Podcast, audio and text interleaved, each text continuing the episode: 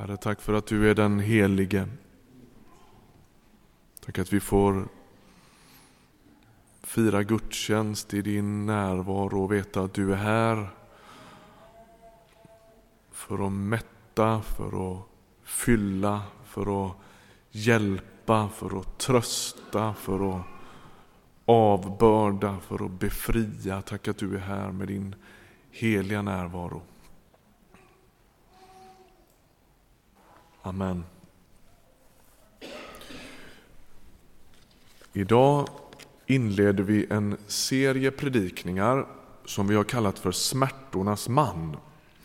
Eh, serien kommer att handla om Jesu sista dagar fram till döden och uppståndelsen i påsk, de påskdagarna. Eh,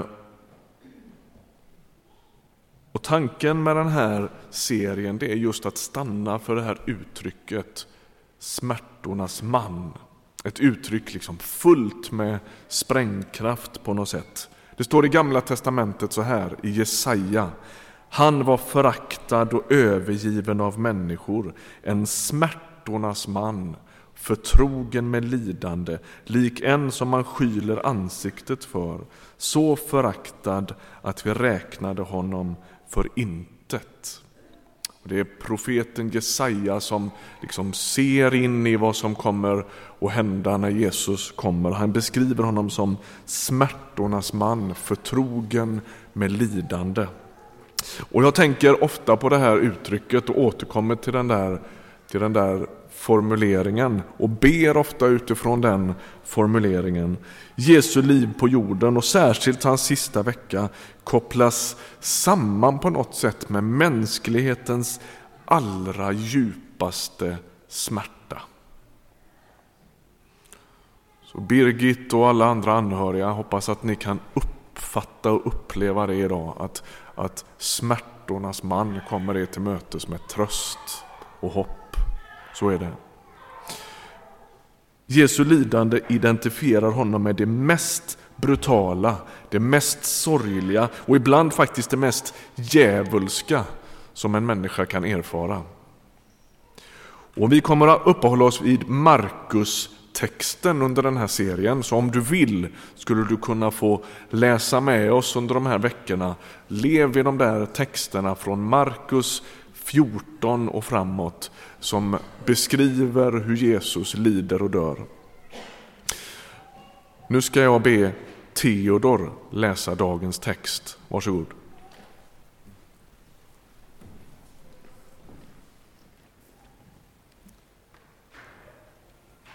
Men Judas Iskariot, en av de tolv, gick till översteprästen för att förråda honom. De blev glada och lovade att ge honom pengar.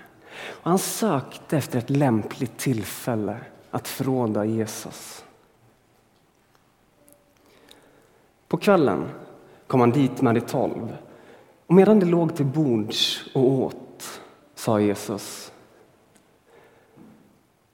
Sannerligen, en av er kommer att förråda mig. Han som äter tillsammans med mig. Då blev de bedrövade och frågade honom den ena efter den andra. Det är väl inte jag? Han svarade, det är en av de tolv. Han som doppar i skålen tillsammans med mig. Människosonen blir förrådd så som det står skrivet om honom. Men ve den människa genom vilken Människosonen blir förrådd. Det hade varit bäst för den människan om hon aldrig hade blivit född. Medan han ännu talade kom Judas Iskariot, en av de tolv, och med honom en folkhop med svärd och påkar utsända av översteprästerna och de skriftlärda och de äldste. Förrädaren hade kommit överens med dem om ett tecken. Den som jag kysser är det. Grip honom och för bort honom under säker bevakning. När han nu kom dit gick han genast fram till Jesus. Rabbi, sa han och kysste honom. Då grep det Jesus och höll fast honom. Men en av dem som stod där drog sitt svärd och slog till mot översteprästens tjänare och högg av honom örat. Då sa Jesus till dem, som mot en rövare har ni gått ut med svärd och påkar för att fängsla mig. Var dag har jag varit hos er i templet och undervisat utan att ni har gripit mig. Men skriftens ord skulle gå i uppfyllelse. Alla övergav honom och flydde. En ung man som bara hade ett linneskynke på sig ville följa med Jesus. Men honom tog det fast. Men han lämnade skynket kvar och sprang sin väg naken.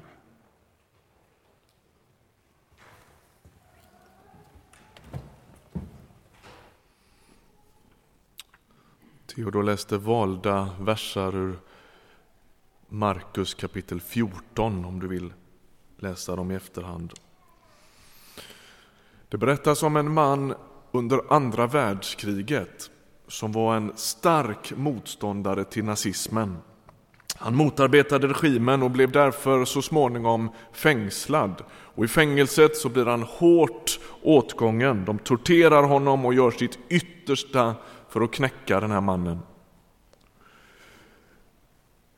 Efter tre månaders grym tortyr så släpps han ifrån fängelset och han är mer övertygad än någonsin om att nazismen har fel och han är fast beslutsam att fortsätta motarbeta den. Det är en modig man, det är en målmedveten man och han verkar inte skrämmas av något. Tre veckor senare hittas den här mannen hängd på sin egen vind. Helt obegripligt. Mannen som inte gick att tysta, som inte gick att skrämma, som inte backade för något. Helt plötsligt så ger han upp. Vad är det som har hänt med honom?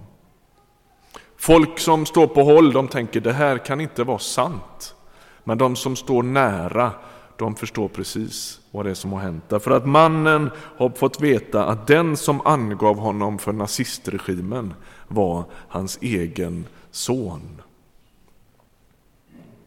Och vet du, det är som att svek och förräderi, det kan man möjligen leva med och uthärda om det drabbar en från distans. Men om sveket begås av dem som står oss nära, då är det en helt annan sak. Det står och faller liksom med vem det är som sviker. Och dagens text den handlar i viss mening om det. Vi har ofta läst texten om Judas svek som om Jesus nästan blir en sorts eh, oberörd, samlad, kallt konstaterande regissör som hela tiden förutser vad som ska hända och där allting liksom spelar honom i händerna på något sätt. Och det är ju i en mening sant, alltså han vet vad som ska hända och det kommer att tjäna hans syften. Men man kan aldrig påstå att Bibeln beskriver honom som kallt, konstaterande, samlad och oberörd. När Jesus sviks och förråds av Judas så är det på riktigt. Det är en av hans närmaste vänner som förråder honom. Och vi med facit i hand, vi läser alla texter där Judas finns med och liksom tänker att oh, men han är ju liksom inte en i gänget. Men jo, det är han. När Jesus ska utvälja de tolv, då ber han en hel natt och så väljer han dem och där finns Judas med. När Jesus ska sända ut lärjungarna två och två och de får vara med om att göra under och, och be för människor och onda andar lyder de, berättar de när de kommer tillbaka. Då är Judas med i ett av de där evangelistteamen. Han finns mitt i Jesu liksom, absoluta närhet. När Judas förräder förråder Jesus så är det ett förräderi mot en nära vän och det gör Jesu upplevelse dubbelt smärtsam. När vi talar om Jesu lidande så kan vi ibland få för oss att det stannar vid ett fysiskt lidande men Jesus han lider på alla tänkbara sätt. Det handlar inte bara om fysiskt lidande utan han blir utlämnad, utsatt och det möjliggörs av en av hans allra närmaste vänner. Och man kan ana i texterna att Jesus i någon mening har lättare att leva med trycket ifrån Herodes, Pontius Pilatus, också det judiska rådet, men det är något annat när det kommer nära, precis som det är för vem som helst. Och grejen är den här, att när Jesus lever sitt liv på jorden, då är det som att ett av syftena med det, ett av syftena, inte det enda, men ett av syftena är att han kommer för att dela våra villkor. Han är Gud. Han avsäger sig inte det i en mening. Han kommer och det är Gud som är på besök. Och samtidigt är det så att han utsätter sig för och liksom gör en alldeles personlig erfarenhet av vad det innebär att leva i skakiga relationer, att kämpa med sin synd eller sin, sina frestelser, att känna sig förfördelad och sviken av andra människor. Och det här är en av de tydliga slutsatserna när vi läser Nya Testamentet så småningom, i breven och i de andra texterna. Så, så beskrivs just den där smärtornas man. Guden som delar våra villkor.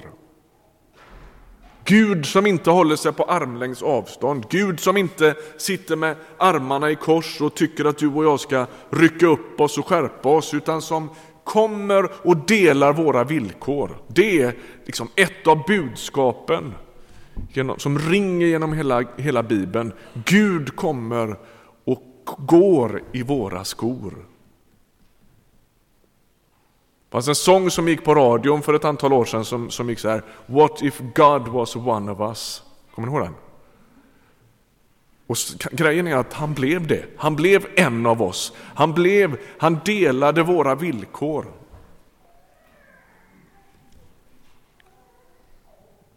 Han är smärtornas man därför att varje människa tillhör smärtornas folk.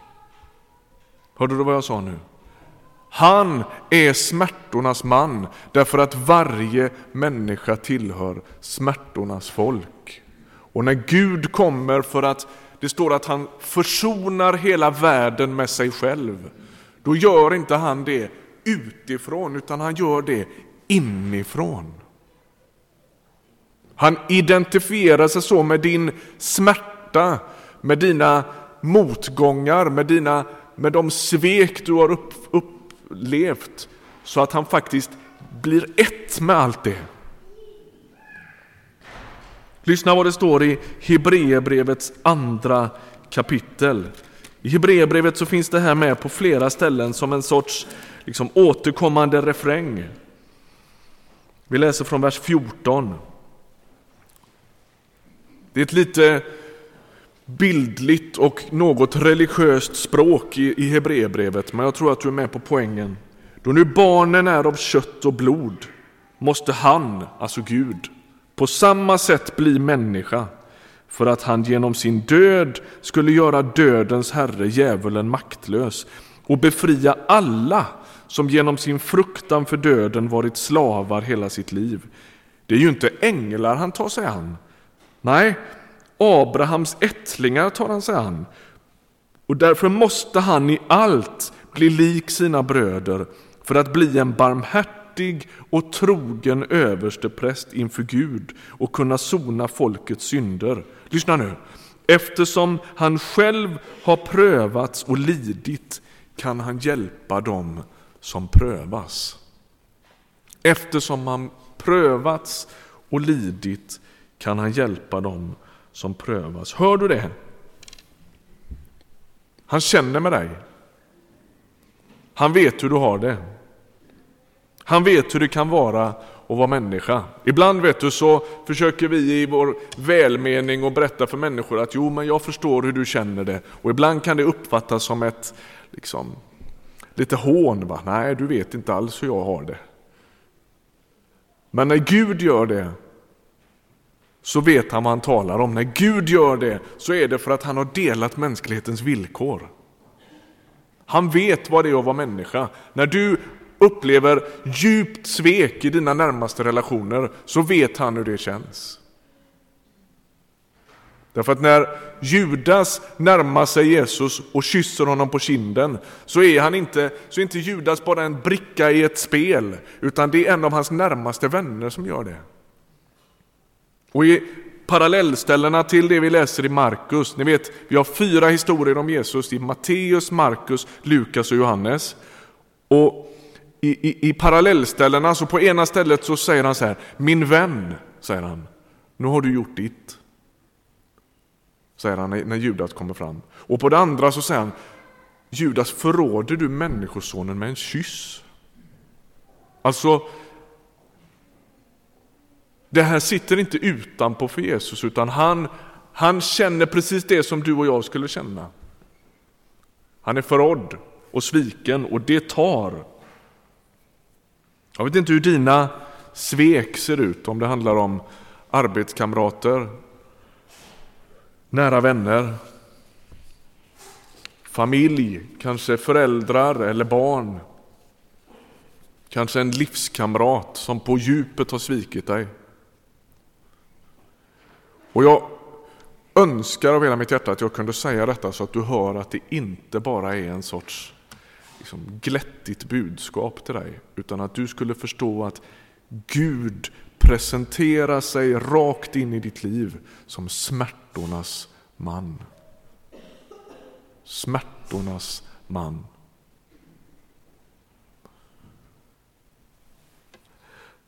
Vad händer med en människa som blir sviken på det sättet som Jesus blir i den här texten? Vad riskerar vi att liksom hamna då?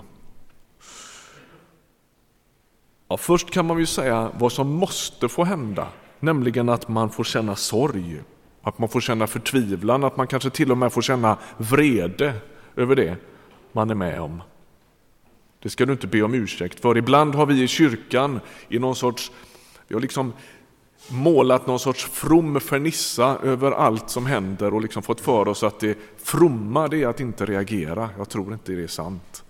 Jag skulle vilja befria dig från det.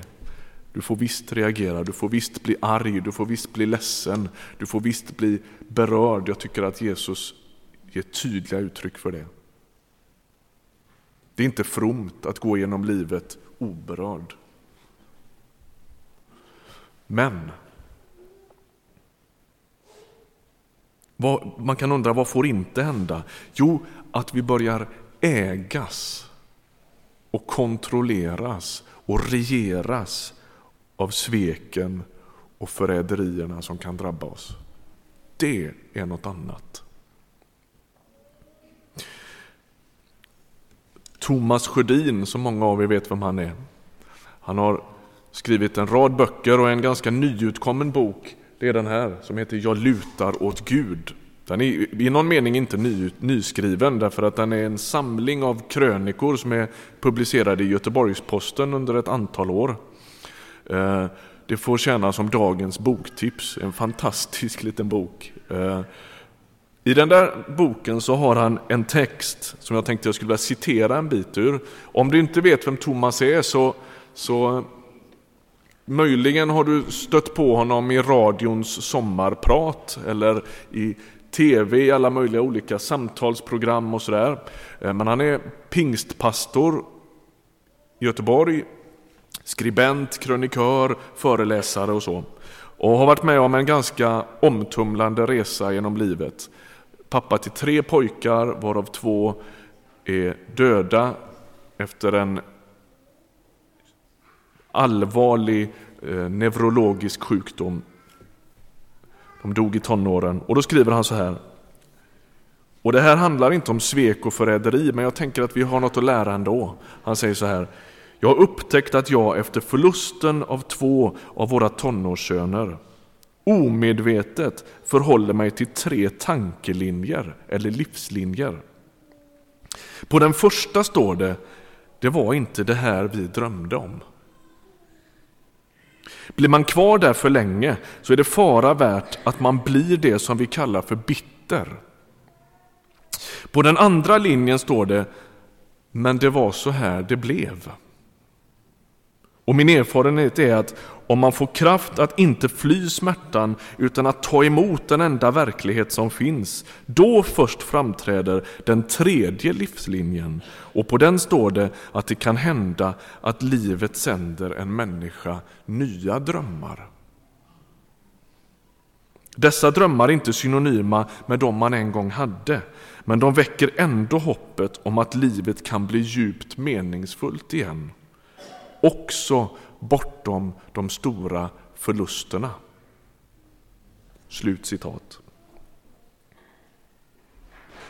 Och det är som om Jesus kommer dig till mötes. Du som har upplevt svek, förräderi på något sätt i livet, brustna förtroenden och så och så på djupet säger jag vet hur det kan vara, jag är smärtornas man och jag delar din sorg, din känsla av övergivenhet, jag delar din vrede, jag delar din förtvivlan. Han presenterar sig på ett ställe som barmhärtighetens fader och all trösts Gud. Så kommer han till dig, på det sättet. Och så säger han samtidigt, jag önskar att få hjälpa dig att hitta vidare. Att inte ägas av dina svek som du har varit med om. Att inte gå genom resten av livet som den förfördelade, svikne och kanske så småningom bittre. Att inte det blir din identitet, att du var den som blev sviken eller lämnad eller förfördelad. Det behöver inte bli ditt mellannamn, att du var den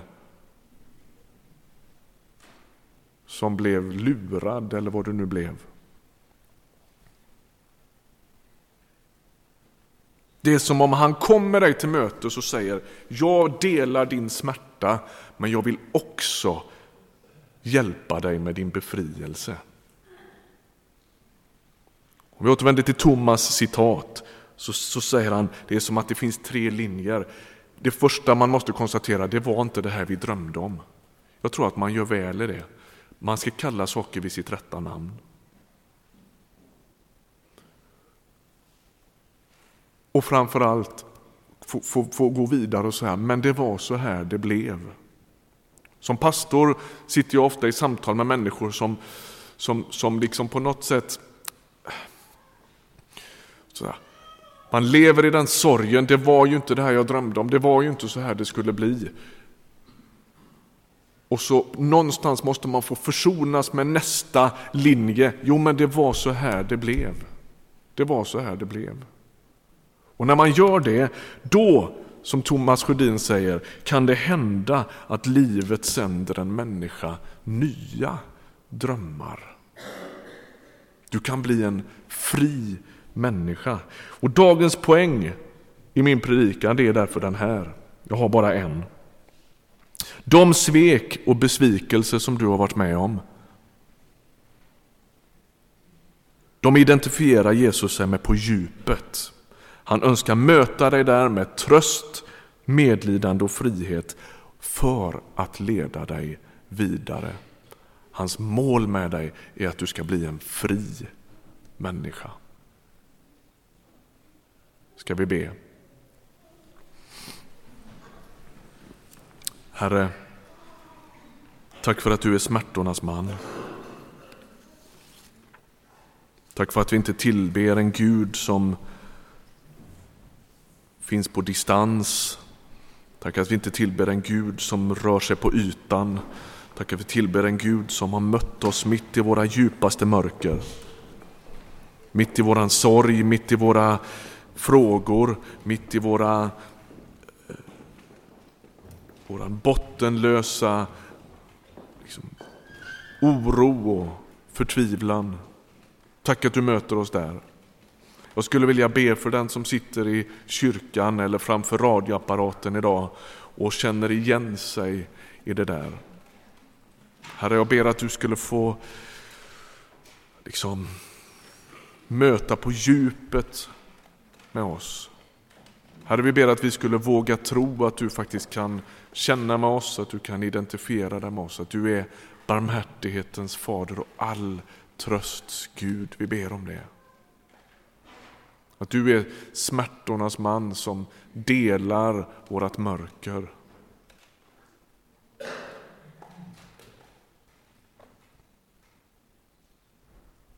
Och Herre, vi ber också om en väg ut. Jag vill be för den som sitter och känner att det, det finns ingen synlig öppning. Herre, jag ber att du skulle komma med hopp, befrielse och framtidstro Jesus. Tack att du kan lyfta, tack att du kan lätta bördor, tack att du kan komma med ljus där det behövs ljus. Tack att du kan komma med hopp där det behövs hopp. Kom och vänd tröstlösa situationer, vi ber om det. Tack att du hör bön. Amen. Amen.